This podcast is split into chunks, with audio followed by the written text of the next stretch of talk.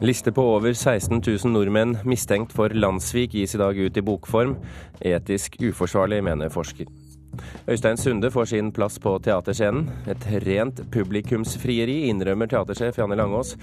Og en 11 årig gammel Wikipedia-administrator etterlyser bedre samisk Wikipedia. Du hører på Kulturnytt med Birger Kolsrud Jåsund i studio.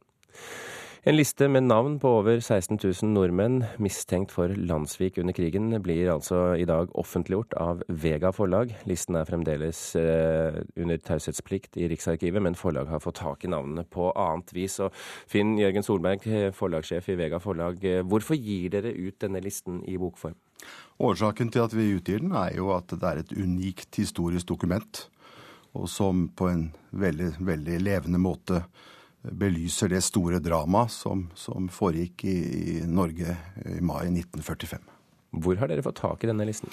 Den har, eh, altså Listen er jo kjent i, i forskermiljøer og, og, har vært i sirkulasjon uh, lenge. Uh, men vi, vi, kom over den i, under research etter noe lignende materiale om, om, om, om Landsvik-saken. Dette er altså folk som er mistenkt for eh, landssvik. De er ikke dømt. Hvilke etiske dilemmaer har dere diskutert i den sammenheng?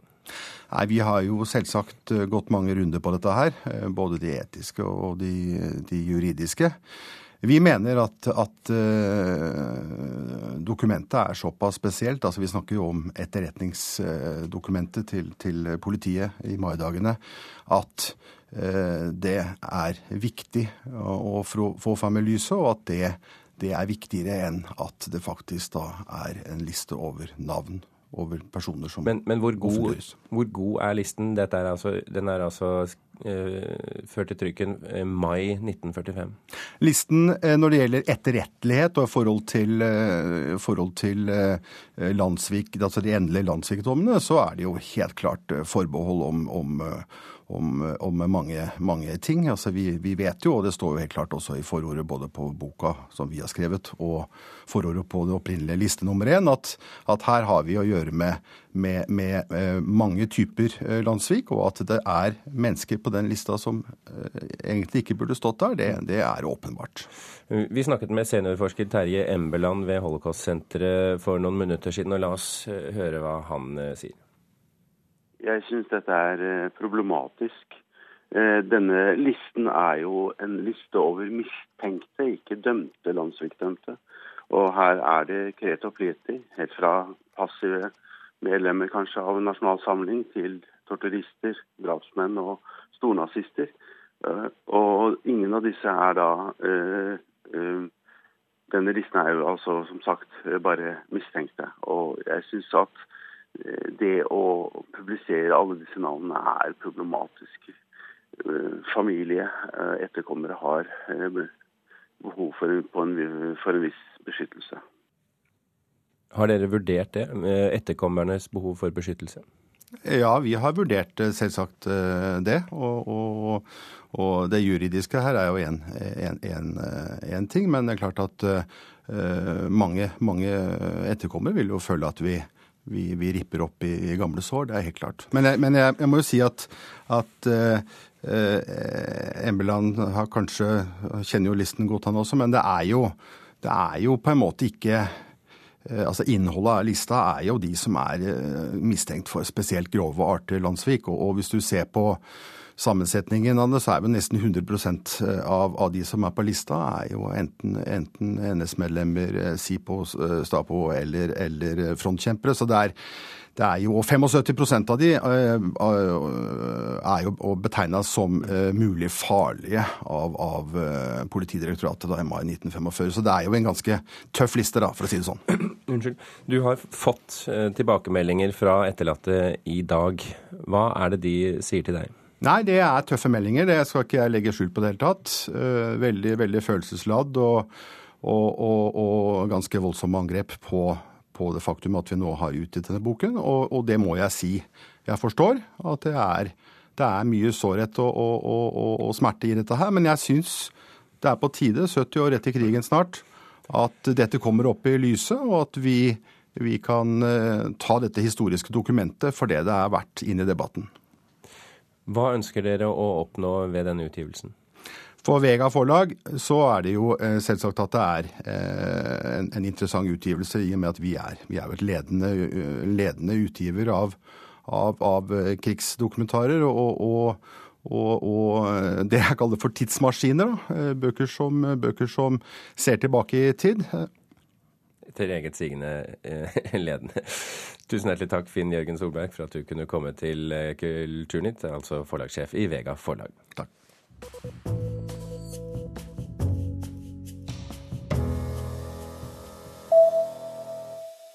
100 russiske kulturpersonligheter har signert et opprop til støtte for Putins Ukraina-politikk.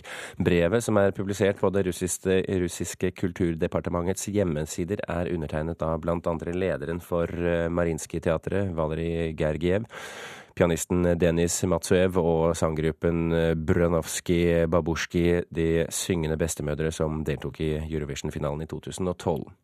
Konflikten på Krimhalvøya har delt det russiske kulturlivet. I forrige uke tok flere kjente russiske forfattere til orde for å stoppe bruken av militærmakt mot Ukraina.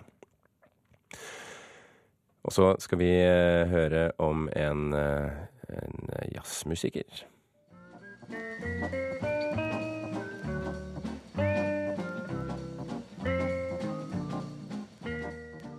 Dette er altså den verdenskjente jazzartisten Toots Tilemans. Han legger opp nå i en alder av 91 år. Tilemans er egentlig gitarist, men er nok mest kjent for både munnspill og for sin plystring. Han eh, startet sin karriere i hjemlandet Belgia, men selve jazzkarrieren startet etter å ha hørt Louis Armstrong i 1942. Han har spilt med artister som Miles Davis, Ella Fitzgerald og Bill Evans, men la sin elsk på Skandinavia, bodde mye i Sverige og opptrådte under Oslo Jazzfestival en rekke ganger, siste gang i 2010.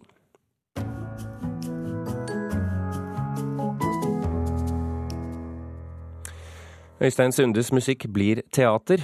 Teater Innlandet frir til publikum med en musikal basert på Øystein Sundes tekster og musikk. Og teatersjef Janne Langås er uh, fornøyd med at Sunde sa ja nettopp til dem. Først og fremst så gjorde vi det fordi at eh, han er eh, Han lager små noveller i visene sine. Men det er ingen som har fått lov før. Vi fikk lov aller først. Med tekster og musikk som har blitt folkeeie, skal Teater Innlandet sjarmere sitt publikum i år. Via et femtitalls låter med Sundes både elleville og mer alvorsstemte typegalleri. Et gjennomtenkt publikumsfrieri. Altså, vi er et eh, regionteater for hele befolkningen. Og alle er ikke ute etter det smale, mørke, mystiske teatret. Vi skal, eh, jeg tenker eh, at vi skal ha et publikumsfrieri i året. Det er veldig stas. Jeg mener at Man kan ha holdt på så lenge i livet at uh, sangene begynner å bli folkeeie, og, og, noen ser muligheter med dem, at de kan brukes på en annen måte. Og det er faktisk en, en ære at uh, noen tar tak i det. Slipp solen inn i BD! La badelyken gro. En beæret Øystein Sunde sa likevel ikke ukritisk ja til prosjektet. Jeg må si, jeg var liksom ikke helt sikker på hvem som skulle spille um, gitar. og kom uh, fort til den slutning at uh, vi måtte, vi måtte legge det om i en annen musikalsdrakt. Han pekte ut Tom Steinar Lund, gitarist med hang til brasilianske rytmer. Ja, du kan si at jeg har marinert dem i en brasiliansk marinade. Og så noen av dem har tatt mye til seg. Men eh, jo det kan være det at det hadde blitt bare dumt å prøve å ape etter den. Den musikalske innpakningen er etter Sundes hjerte, men historien er han mer usikker på. Jeg vet ikke om det står og faller på at de får til en eh, plausibel historie, men, men eh, det hjelper fint. Det er ikke Ja, det er en sånn litt ut og inn av en historie, for det er ikke så lett å sette sammen 56 låter og få til en historie. Men handlingen regissør Trond Lie skal holde styr på, starter på brua mellom Seljestad og Låtefoss, der dansken med campingvogn møter lastebilen fra Frydenlunds bryggeri. Som møtes på denne brua og ikke kommer videre, men slår seg sammen og lager et lite samfunn. Og ut, ut fra det så blir det et samfunn med alle rare typene til Sunde. Hvorfor klapper alltid til sammen når jeg strør? Ja, det er ikke mulig å få det å stå sammen, faen hva jeg gjør! Sunde er nå sistemann ut av gitarkameratene med å løftes til teaterscena. Jan Eggum har jo fått flere oppsetninger på sangene sine. Halvdan har fått et par, og Lillebjørn har jo fått sin forestilling nede på Oslo Nye her for et par år siden. Så det er, jeg syns det var stas at noen tenkte på mine også. Eh, han har vært med på å sette ord og begreper inn i sammenhenger som gjør at det er blitt dagligtale. Sånn at eh, Øystein Sunde er en viktig kunstner. Men det blir ikke for folkelig, da, på en teaterscene? Nei, altså Jeg tror det er verre hvis det blir for kunstnerisk. Skal ikke være for kunstnerisk, ifølge Øystein Sunde. Premieren er på Hamar 20. mars, og reporter her det var eh, Torunn Myhre. Klokken er straks 14 minutter over åtte. Du hører på Kulturnytt, og dette er toppsaken i NRK Nyheter akkurat nå. Å fjerne ett av flere friske fostre, såkalt fosterreduksjon, må være lov. Det har Rådet for legeetikk kommet frem til etter at Helsedirektoratet ba om vurdering. Arbeidet har kommet for langt, sier Statoil. Det blir ikke strøm fra land til hele Utsira-feltet. Uakseptabelt, sier Miljøpartiet og SV. Og norske myndigheter samler hvert år inn millioner til en eh, omstridt homofiendtlig pastor i Uganda. Stortingsrepresentant for KrF, Olaug Bollestad, sitter i styret for den norske organisasjonen. Bergens Tidende ble den eneste av Norges fem største aviser som i fjor hadde en samlet tilbakegang på papir og nett. Avisen innførte betaling for nettartiklene i fjor, og er Skipsteds prøvekanin for andre aviser i konsernet.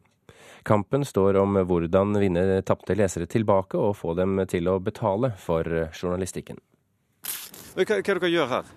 Vi eh, skal klistre opp litt plakater, reklame for Uken i Bergen. Tre studenter henger opp plakater for en studentfestival på Norges handelshøyskole midt på Torgallmenningen i Bergen.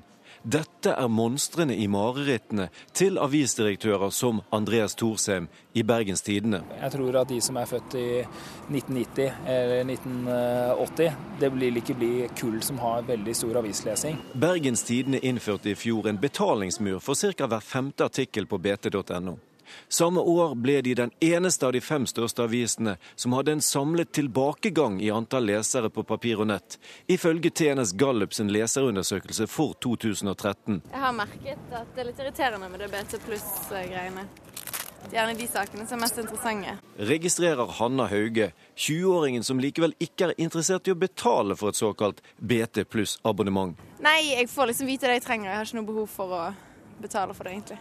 Ifølge leserundersøkelsen til Mediebedriftenes Landsforening gikk BT tilbake med 6,2% Vi er kjempebekymret. Vi bruker hver dag på å bekymre oss. Vi er veldig redd for at en leser skal si oss opp. Og rundt eh, 30 bergensere ringer inn til Bergenstidene hver dag og sier takk for meg. Og da er vår jobb eh, å få minst 31 nye til å si ja takk. Jeg vil gjerne ha BT og BTs journalistikk. Så vi bruker masse tid på å være bekymret. BT er interessant for hele Skipsted-konsernet. Regionavisens evne til å takle overgangen fra papir til nett følges nøye av alle de andre avisene og publikasjonene i det børsnoterte selskapet, fordi ja, er, Jeg tror Bergen er den avisbyen i Norge med hardest konkurranse. Det er ti lokalaviser og bydelsaviser. Det er én gratisavis. Det er én tabloidavis og én regionsavis. Derfor er suksess eller fiasko i regionavisen fra Bergen viktig for ni fullskala mediehus i fire land og godt over 30 forskjellige publikasjoner. Vi må prøve å utvikle produktet vårt med å redesigne papiravisen, gjenoppfinne magasinet, utvikle nettsiden og gjøre en innsats for å få betalt på det uten at det irriterer leseren. Det er den sporten vi holder på med, og bare håper at vi får det til. Men økonomistudentene i 20-årene virker ikke videre interessert i å betale for journalistikk. Jeg tror ikke det.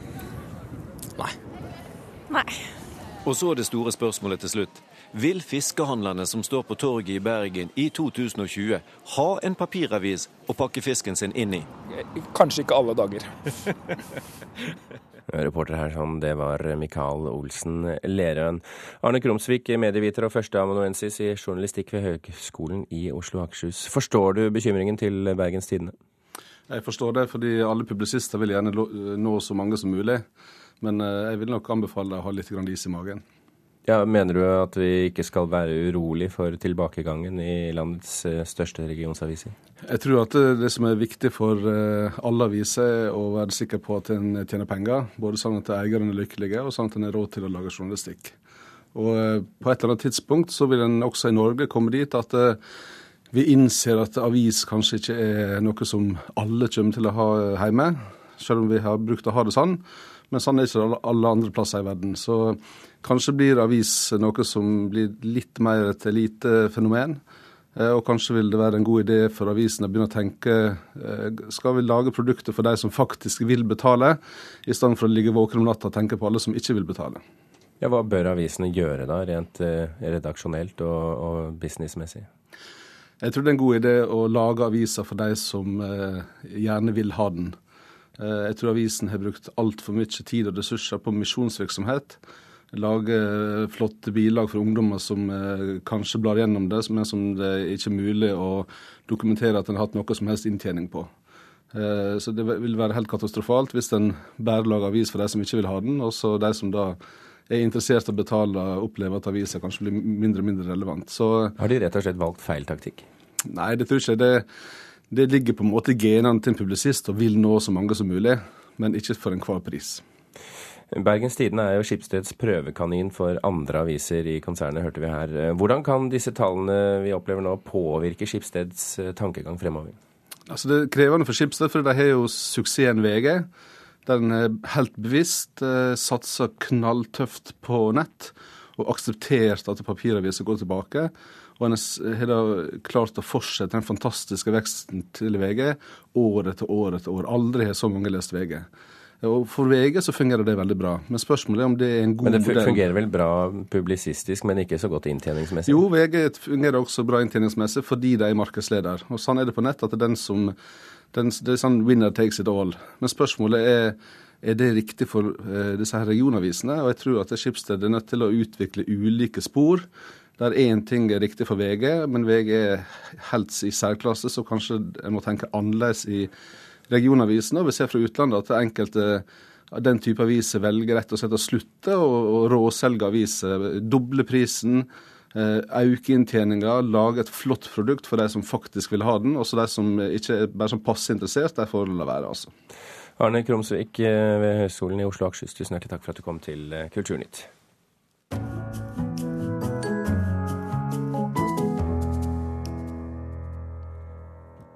Samisk Wikipedia er for dårlig utviklet. Kritikken kommer fra den elleve år gamle gutten som er den som skriver flest artikler på samisk på Wikipedia.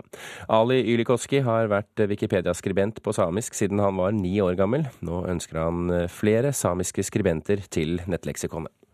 Puures pohtin Wikipedia, tietoisat kirjoiteihin ensiklopedia, man juhkes sahta lohka Charlie Nuft. Ali Ylikoski viser vei inn i samisk Wikipedia.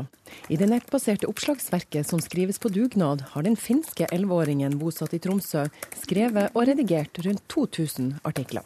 Jeg alene hadde over, gått over halvparten av endringene i hele samisk Wikipedia. I 2011 flytta Ali og familien fra Finland til Kautokeino. Da hadde han akkurat lært seg hvordan Wikipedia fungerte.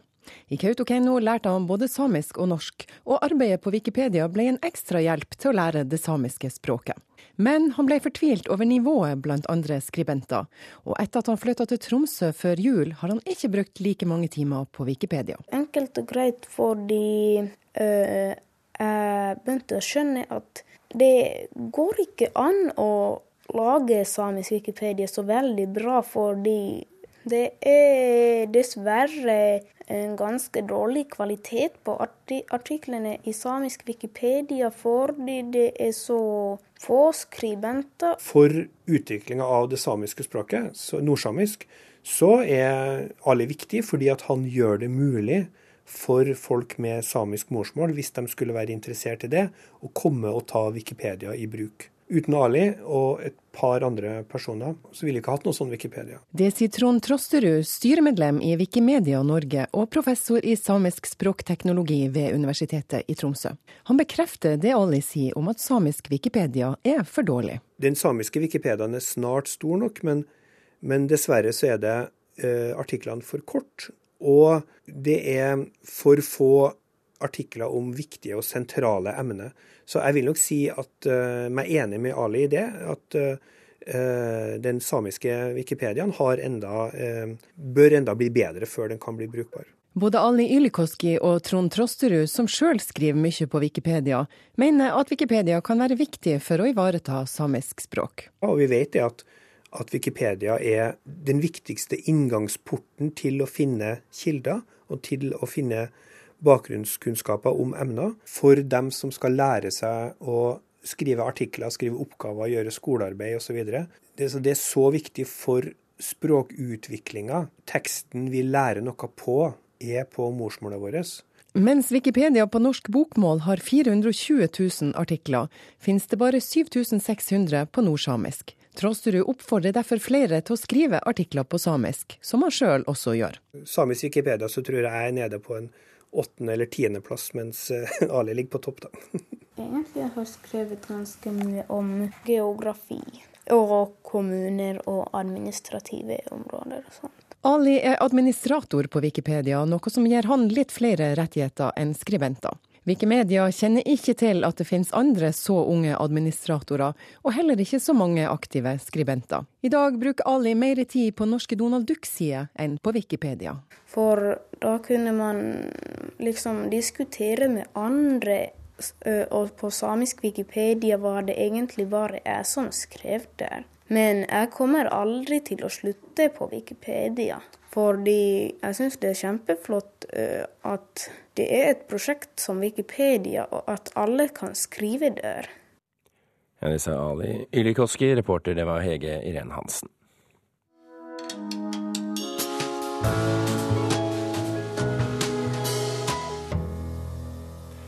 Permafrost er en ny norsk film fra naturen i Målselv. Filmressursene til selskapet Filmcamp på Bardufoss og regissør John Sullivan.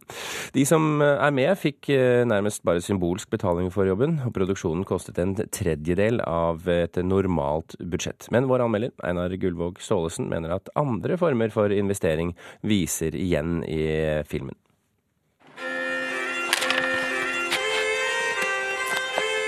Permafrost er laget med entusiasme. Hvis den også var laget med samlende tanke, ville den vært en vinner. Det er mange tanker i og bak filmen. Noen av dem er diffuse. Noen står ikke godt til hverandre. Noe av handlingsforløpet ser ut til å være utledet av innfall som er kommet til underveis. Men andre deler er engasjerende. Noen partier er vakre. Noen blikk og noen refleksjoner sitter så de kjennes. Det er flere spillescener som gjør inntrykk. Filmen er eksotisk. Den fanger opp kulturelle forhold i de tynnest befolkede områdene i nord. Mor i historien bor i det eneste huset i et stort dalføre med høye, snødekte fjell rundt. Det er ikke veldig langt til kafé, men vi ser den ikke fra hennes hus. Mamma?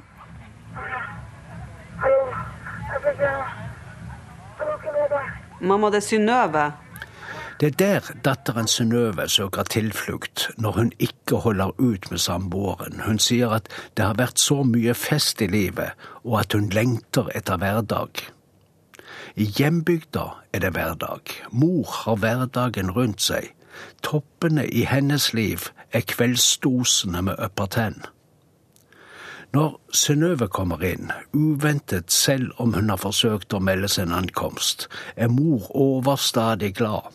Synnøve kommer ikke alene heller, enda bedre. En engelsktalende motorsyklist på vei til Nordkapp presterte å kjøre på bilen hennes bakfra. Han kunne ikke bli liggende igjen i snøen og kulda. Det er ingen store drama i filmen, men flere små. Flere dreier seg om Synnøves liv.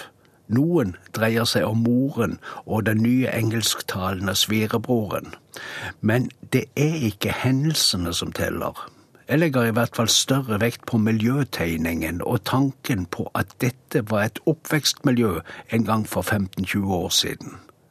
Synnøve kom et godt fra det etter forholdene. Vi ser lange veier og store landskap. Landpostbudet svinger innom. Han er gamlekjæresten til Synnøve. En snøscooter ruser forbi. Forbanna snøscootermann sitt! Helvetes snøscooterfaen! Samboeren til Synnøve kommer etter henne. Hun reiste uten å si noe, men han forsto hvor hun reiste. Hans Petter kan kjøre deg, mamma. Hvis du trenger skyss, så kan vi fikse det. Jeg skal ikke ha noe skyss.